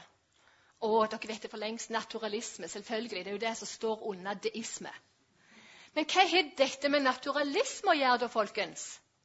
Jeg våger den påstanden at naturalisme er et av de mest utbredte livssynsperspektivene i vår tid, hvis vi våger å lytte. Naturalismen bare siver gjennom i reklame. Dette er reklame, dere ser jo det. Ha-ha. Hva er det reklame for? Jeg stoppet der helt bevisst. Det er grenser for hva jeg syns vi skal la møte øyet vårt på arbeidermøtet til IMF. Dressmann. Og dere tenker dere hva type tøy på dressmann. Men dere er jo ikke sjokka. For vi lever i en seksualisert kultur. Men vi bør være sjokka. Vi bør la oss opprøre. Ok, Vi kan ikke være så engasjert at vi får hjerteinfarkt for hver sånn. Vi er nødt for å ha en distanse. Men den distansen skal være preget av et filter som vi tolker det gjennom. Og ikke noe som treffer oss og gjør noe med oss og ødelegger ærbødighet og bevissthet om hva kropp er, hva seksualitet er, hva menneske er. Så Derfor tok jeg rett og slett den bare for å være i en reklamesammenheng og gi et lite hint om hvor mye det er av naturalisme i, i reklamen. Men så kom den der trekanten, da. Jeg velger å tro at du bruker ressursene både i Damare-sammenheng, familie og medier, og at du våger å gå stegene i lag med ungdommene i møte med det de får i trekant. Jeg var på ungdomsskolen på Tryggheim i fjor, og jeg hadde blitt spurt spesifikt om å gå inn på trekant. Da var de så geniale i ledergrupper på skolen at de sa vi må ha foreldremøte på kvelden, og så har du alle klassetrinnene puljevis dagen etterpå. Så vet foreldrene hva de får, og så kan de snakke sammen rundt middagsbordet. Og Da var det helt klart du må gå inn på trekant. Giss om det var noen som reiste seg i foreldregruppen Du har vel ikke tenkt å snakke om det til min sønn? Og før jeg fikk sjanse til å trekke pusten og forberede et svar, så poppa en annen opp og sa hvis ikke hun gjør det, så gjør ingen det. For de møter det uansett. Og så slapp jeg å si noe annet enn at jeg er faktisk utfordra av lederen i foreldreutvalget og rektor om å gjøre det. Og jeg gjør det med beven, med ydmykhet. Jeg skulle ønske jeg slapp, men da hadde jeg ikke vært tro. Verken imot det de vil, men enda mer jeg hadde ikke vært tro mot hva det vil si å være en kristen og veileder i vår tid. Så dette var altså ungdomsskolen. Dere hørte rett. Det var ikke videregående på Tryggheim, men det var ungdomsskolen på Tryggheim. Jeg vet dere, ikke, dere er ikke sjokkert. Paradise Hotel. Ja da. Eller nei da. Chris og Erik, som var med og ledet et av disse de store korslaget. Veldig kjent av ungdommer langt nedover. Skikkelig populære. Hør hva de synger. Tror dere det går inn det ene øret og ut det andre uten å feste seg noe i mellomtida? Nei. Du skremte meg først, men jeg var tørst, så drakk jeg deg pen som prinsesse Madeleine. Jeg, jeg har mine ølbriller på, ølbriller på. Hva er det som ligger under her? Kroppen, begjæret hedonismen. Naturalismen. Han er råpopulær. Unger som er med i kor som er i våre sammenhenger, sitter og synger på den sangen, og de aner faktisk ikke hva de synger. Håper jeg. Men det er bare det at det innholdet siver inn likevel. Og det blir mer og mer utspekulert tydelig i tekstene. Så musikken, folkens, må vi våge å feste litt oppmerksomhet mot. Der de helt tydelig fokuserer på kropp og på seksualitet. Det kan ikke være, Jeg vil ikke se på det mer. Dette er jo mye tryggere. Hæ? Nei. Nå er vi rett inne i det som egentlig Irene toucha borti. Du sa at hun kalte det New Age, ikke sant? New Age-inspirert hele den nyreligiøse feltet, denne her åpenheten, engleskolene, energien, koblingen av Jesus som et godt forbilde, som en profet nærmest, men bare én i rekka. Alt det her. Og det er i den lufta som vi puster i. Den lufta ungdommene våre puster i. Og vi er nødt for å lytte til det. Lost kan bli helt lost. Hæ? Ungdommene og folk på min alder låner vi DVD-ene eller har kjøpt dem og ser og ser og ser. Og det er utrolig mye vi kan bekrefte her. Og vi får i den serien noen sånne nære møter med å, vi må oppsøke spenning i det nyreligiøse. F.eks. spiritisme blir lest i hånda. Vi må ha litt spenning. Det er jo bare gøy. Og så opplever de at oi, det var jo ikke gøy. Det var jo å lefle med realiteter her. Jeg gjør det bare fordi du skal forstå at det går inn i stova, folkens. Dette er ikke noe som de må oppsøke i et kinolokale eller gå på en konsert. Men de får det rett inn på øret og rett inn på øyet. Lady Gaga Hvis dere er usikre på hvem Lady Gaga er, lov meg at dere går hjem og googler Lady Gaga. Hun er helt i toppsjiktet i vår tid blant artister. I Dagbladet så sto det i uh, oktober 2010 at hun kommer med et postmoderne kjærlighetsbudskap som er perfekt tilpassa alle usikre tenåringer som higer etter å få være den de vil. Ok, Hvor er vi nå i disse herrene stikkordene dine? Vi er i det postmoderne, ikke sant? Og hva er det med Lady Gaga? En ting er at hun er som Madonna, og da snakker jeg ikke om Jesu mor, altså. Jeg snakker om Madonna, artisten Madonna, som er like gammel som meg som har gitt inn og ut av ulike image, ulike roller, ulike identiteter gjennom hele sin karriere. Nå er det Lady Gaga som går inn og ut i, fra ulike identiteter, og som sier 'mitt ytre er mye viktigere enn det som er her inne'. Og som sier til sine fans Og dette er jo noe vi gjerne vil bekrefte.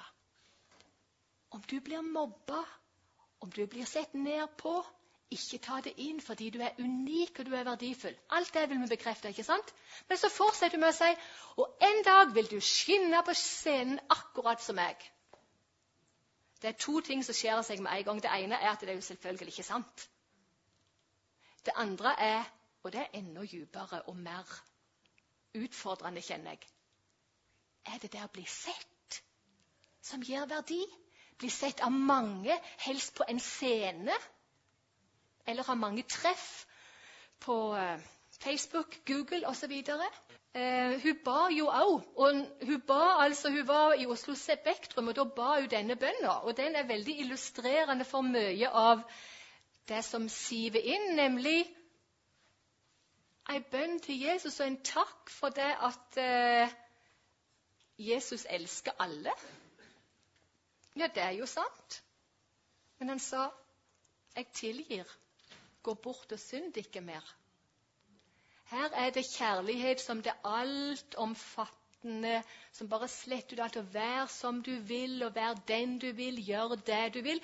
Litt sånn i det kjærlighetsaspektet som igjen, Leif Det er så kjekt at du hører at jeg bruker deg stadig. Nei da. Men, men, det er jo der vi er, i det hula kjærlighets. Og så er Jesus med på laget, ikke sant? Lengsler. Jeg vil så gjerne være lykkelig.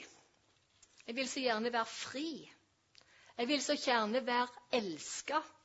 Jeg vil så gjerne ha et mål og mening med mitt liv. Jeg vil så gjerne være åndelig. Jeg sier det på engelsk fordi det er sitat fra McGrath, men jeg kjenner det jo så fra vår egen sammenheng. At dette er så klare lengsler som kommer fram i musikken, i filmene, i litteraturen, i TV-seriene, men først og fremst i levd liv blant folk flest. Det er jo det som er hele poenget. Så når John Stott utfordrer oss til å lytte dobbelt, og da lytte til samtid, populærkultur, så er det jo fordi det speiles noe der av det som er tilfellet blant folk flest. Og veldig ofte når jeg, eh, hvis jeg viser det bildet, så spør hva tror dere hun tenker på? Hva er det, hva, kan vi leve oss litt inn i hva, hva er problemet hennes? Så tydelig hun har et problem. Så åpner folk opp, og folk er lik ungdommer. Det er det jeg er i nå. For det de sliter med. Men de fester det på merkelappen 'hun'. Det er de lengter etter, men det er hun som lengter. Det de strever med, osv. Ser dere pedagogikken? Og nå er jeg ikke engang i et populærkulturelt uttrykk. Jeg bare er viser ei, ei jente.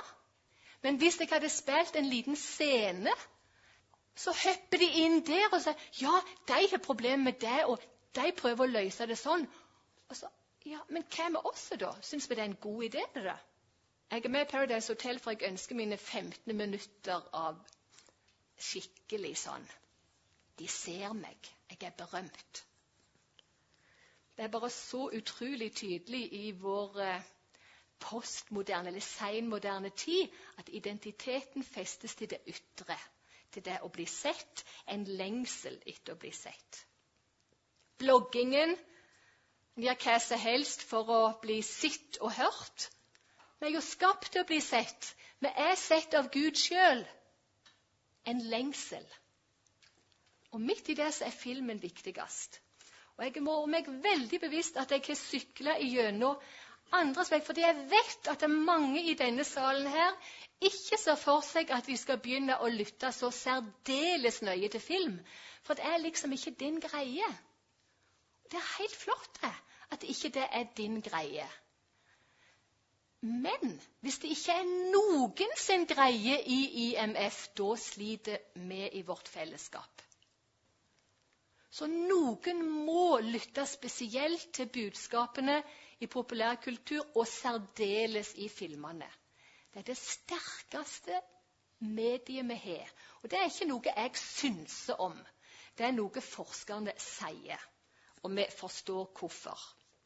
Ingen fortelling er der som rå eller ren underholdning uten at det pekes til kulturelle og livssynsmessige verdier, trosperspektiver.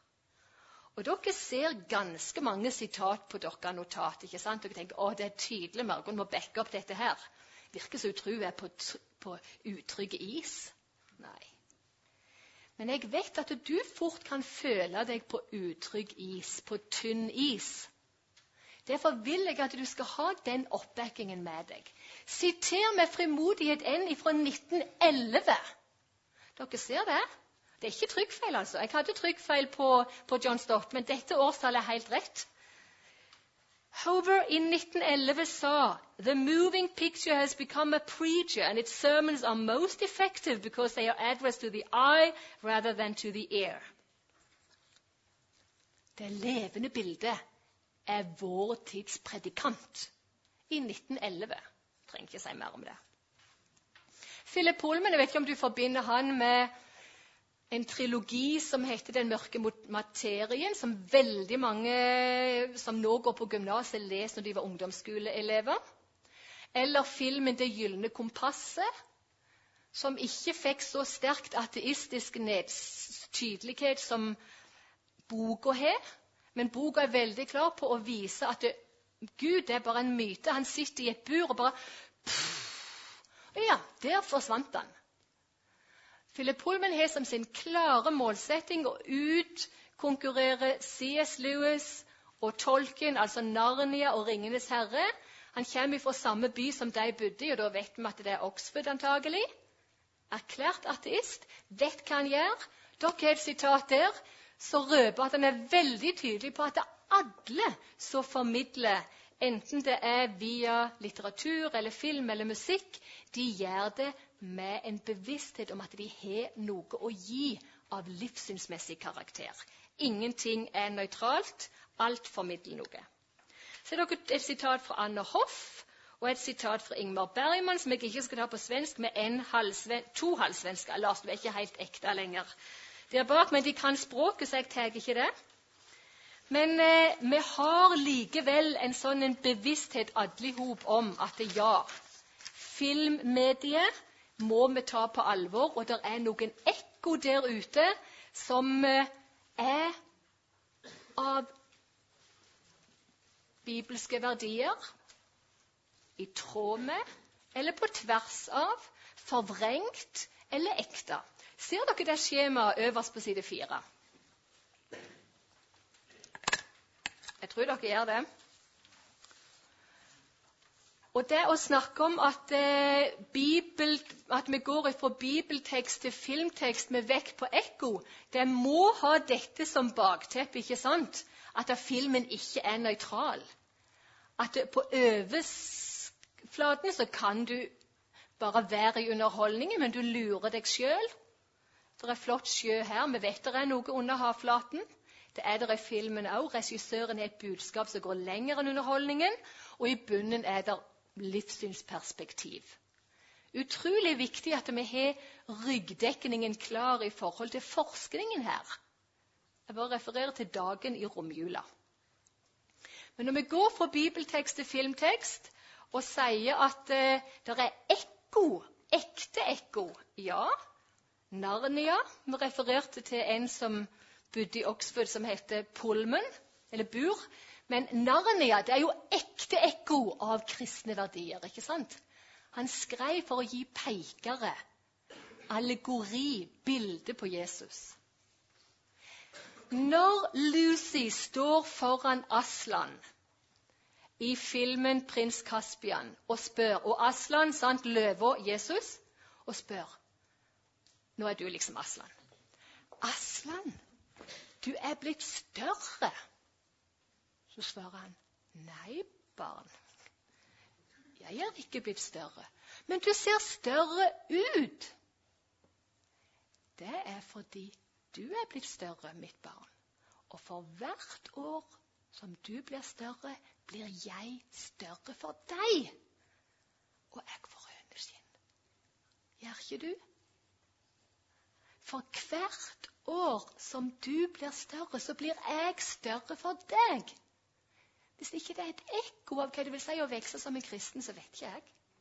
Og det er så mange ressurser knyttet opp til Narnia-filmer, 'Ringenes herre', sånne storfilmer som er reelle ekko av Bibelen sjøl, og som vi skal få bruke i tilknytningspunkt for å dele evangeliet.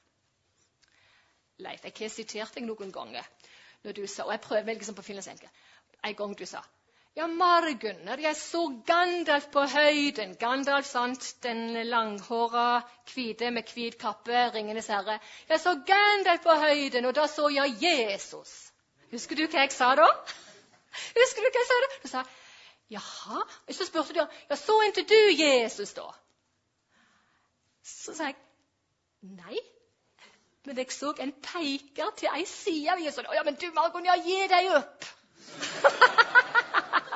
Men du har ikke gitt meg opp.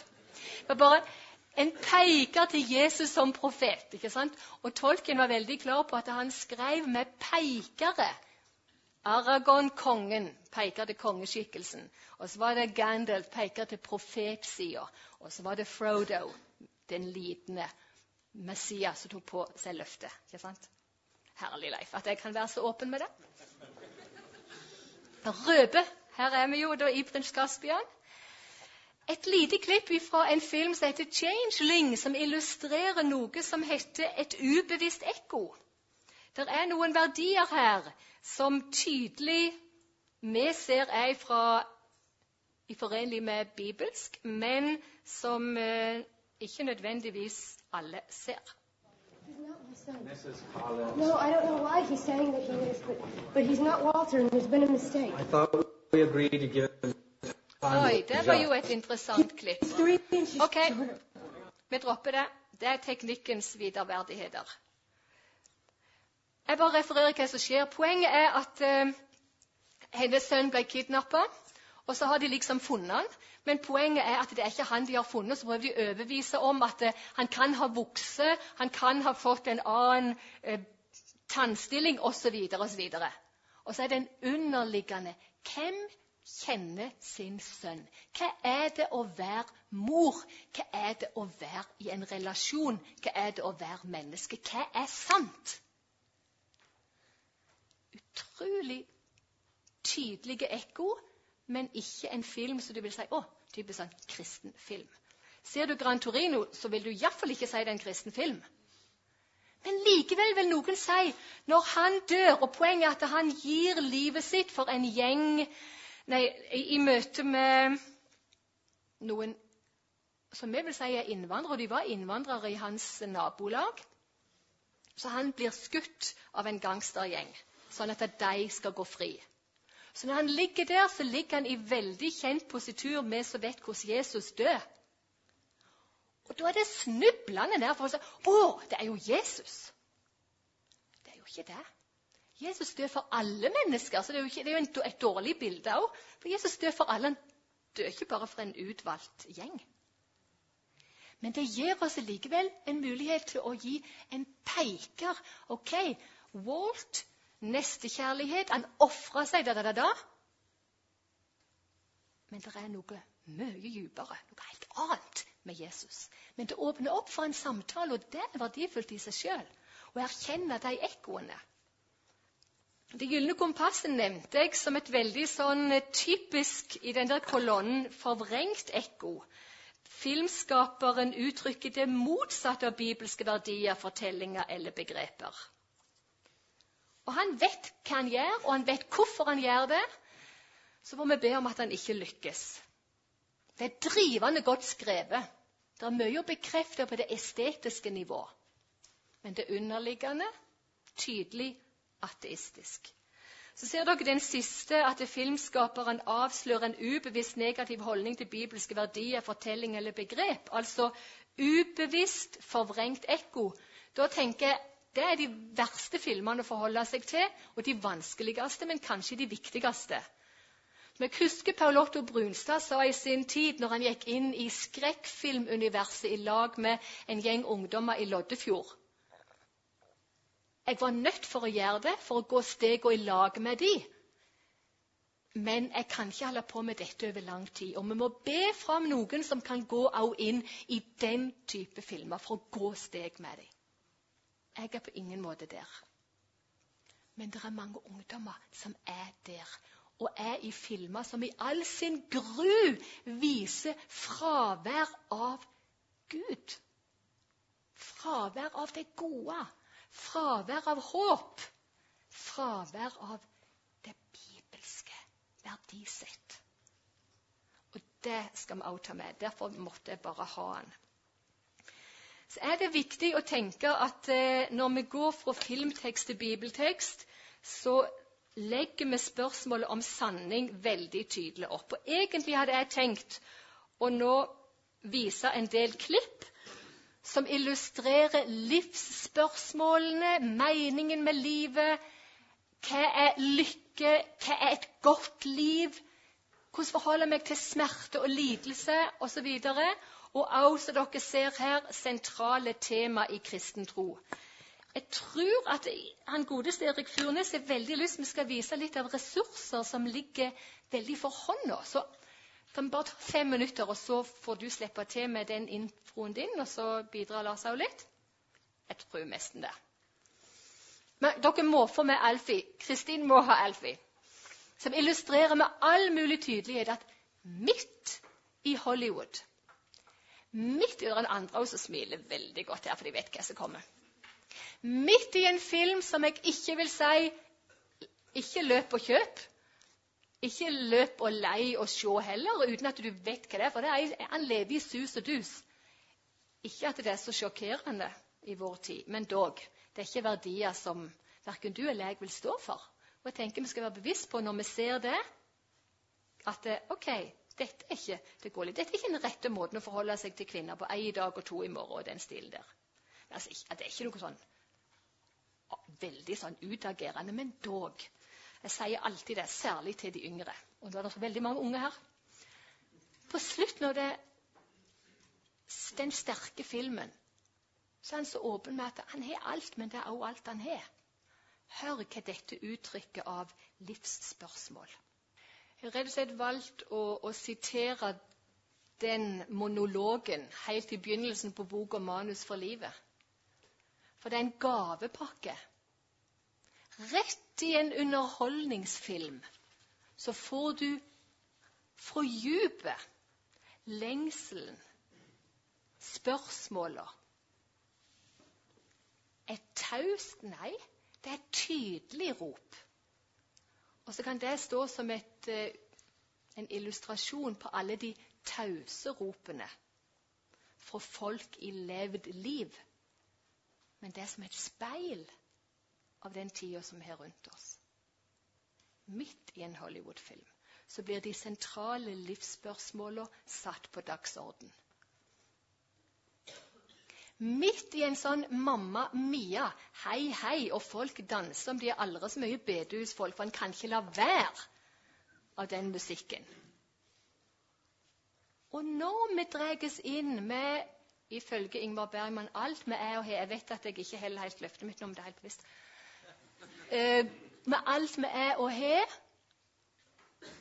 så glemmer vi at det er noen verdier under der.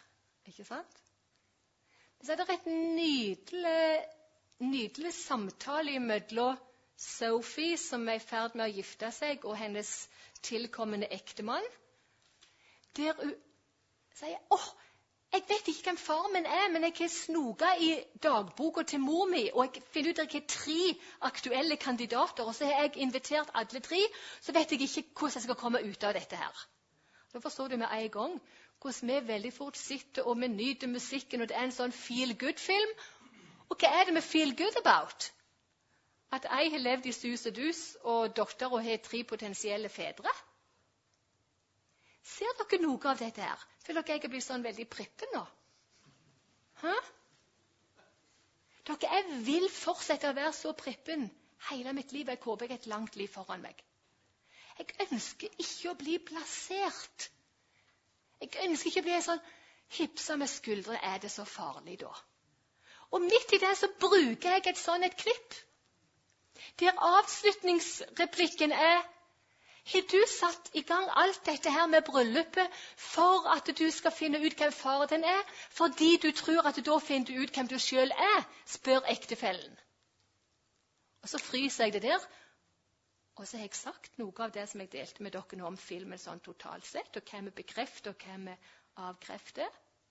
Og så spør vi ligger svaret på vår identitet i å kjenne vår biologiske far. Og så kan vi snakke om kjempemye om viktigheten av det, og det er jo hyperaktuelt i all, all genteknologidebatt og sånn i vår tid. Men det er noe enda dypere. Faktisk. Vår sanne identitet kan vi bare finne i møte med vår far med stor F. Ser dere at det er midt i en film som i utgangspunktet du, Ja, du, det er mye feel good about it, men likevel. sant? Så vet du at de kjenner filmen, de kjenner historien, de er i det. Face it. Bruk det, men med den der rammen rundt. Vi står alltid i fare for dobbeltkommunikasjon når vi våger å nærme oss det som er the discipline of double listening. Men i frykt for det så kan vi kjapt trekke oss tilbake, og da er vi ikke der med integritet i vår hverdag. The City, jeg bare nevner de nå. Reinspikra individualisme der de sitter og snakker ved et bord, og det bare oser av meg og mitt, og der hun peker på en ring hun har fått av ma av typen. Det er jo ikke mannen. Eh, og jeg vil, jo, jeg vil, jo, ha kjøpt den til meg sjøl, for nå når jeg ser ned på den ringen, så ser jeg han og ikke meg. Ok, Det illustrerer individualismen, og du får kjempesamtaler om hva er kjærlighet, hva er individualisme. Ernst og Lars, det er trist vi ikke tid til å vise den. Klippet her illustrerer hva det vil si å være et menneske når du kjenner at du bare åh, Jeg er som en maskin. Jeg er så aldeles lite verdifull. Jeg er ikke verdifull i det hele tatt. Jeg føler meg ubetydelig. Og så sier psykologen oh, it's a breakthrough. Du er ubetydelig. Og så lærer vi fordi at hele settingen er så løyen. Lån den filmen. Unn deg det. Det er en Woody Allen-film. Og under det så oser det av eksistensialisme. Ta et valg. Det er meningsløst. Du er ubetydelig, men du må ta et valg og skape mening i eget liv. Ha, hvor mange er det ikke som prøver på det i vår tid? For et tilknytningspunkt, for et spenningspunkt. Avatar illustrerer lengselen etter noe mer, tilbake til Irene og den nyreligiøse. Og å, det er noe der ute. Vi søker det. Frodo, klart dere bruker Ringenes herre. Nå skal Lars øyeblikk få slippe til med snakk om tro. Men ett klipp bare må vi se. Hvis du ikke har brukt dette fra så som i himmelen, så må du gjøre det på en eller annen måte, om det så er å omtale det. Det er nemlig ikke vanskelig å bare omtale en scene. Hva er synd? Apropos uthuling av begrep. Helt bevisst så sa jeg ingenting om denne filmen. Det var ikke fordi jeg regner med at alle har hørt om den. Men det var fordi jeg vil illustrere at det går faktisk an å vise et klipp som med en gang gir mening selv om ikke du vet i utgangspunktet hva som har skjedd. For Det var umulig å se dette klippet uten å forstå at det, er ok, her er vi i en prestegard. Her er det prestekona og presten. Her har prestekona gjort noe presten ikke liker. Hun har danset og noe til. Og så er hovedpoenget hvordan brukes begrepet synd? Hvem er Gud? Jeg har vist dette klippet i sammenhenger med 50 pluss-generasjonen og fått sånn motbør. Du ødelegger hele filmen, Margon. Du ødelegger alt. Jeg så det i kinosalen, og jeg kjente meg jo så igjen. For denne filmen skildrer mye av det som vi ikke på noe vis går god for i, i vår historie av merkelapper på synd, synd, og av utestengelse. Ikke et varmt, inkluderende fellesskap som er visjonen for IMF osv. Så, så, så mye som bare kjenner treffer oss rett i magen, og vi kjenner det igjen. Men det er jo det som er så skummelt. At hvis mye treffer oss i magen og vi kjenner det igjen, så glir det andre bare forbi. Derfor må vi se en film to ganger hvis han har truffet oss skikkelig i magen. For hva var det egentlig som blir formidla? More is said than what is spoken. Men hallo, dette er jo så tydelig. Og du kan ikke av avskrive det med 'Å, men det går jo inn i sammenhengen.' og det hun mente, var sikkert at det dans er ikke synd. Er det det hun sier? Sier hun at dans ikke er synd? Nei. Og et lite godt tips. Lite, men godt tips. Hvis du lurer på kan vi ta på alvor det som blir sagt, eller er det egentlig tolker vi noe inn i teksten som ikke ligger der? Gå inn på en Damaris Norge-ressurs eller andre ressurser hvis de måtte finnes. Haha. Nei, det er andre ressurser. Og se, har filmskaperen sjøl sagt noe? Og denne filmskaperen, Kai Pollak, har sagt en hel bråde om hva synd er. Om hva mennesket er. Og det er ikke i tråd med hva Bibelen sier. Han er en av de ledende i New Age-bevegelsen i Sverige. Driver coaching, selvutvikling. Gud har ikke noe med saken å gjøre. Ikke Bibelens Gud. Så dette er et utrolig sterkt bilde i en film som er nydelig filmatisk og svensk natur og musikk og ja da. Men det er fint for alle, ikke bare noen som er gifte med en svenske. Og en flott skuespillerkunst. Alt det der. Og i boka mi så ser du hvordan vi er bevisst på å verdsette. Jeg har faktisk brukt et analyseverktøy som jeg sjøl har jobba fram, på den filmen i boka. Bare for å gå alle trinn i håp om å gi hjelp. Midt i alt det så står det fram så tydelig, og det er et ekko av hvordan en uthuler begrepene i vår tid og gir det et nytt innhold. Men synd er jo ikke problemet for folk flest i dag. For det er jo ikke noen hellig Gud i deres horisont. Det er skyldfølelse over å ikke leve opp til egen standard. Skyldfølelse til ikke å realisere potensialet i meg sjøl som gnager. Men nå må jeg slutte. Takk for at du lyttet til denne podkasten fra Damaris Norge. Du finner flere ressurser fra Damaris på snakkomtro.no, kulturvindu.no og konfirmantonline.no.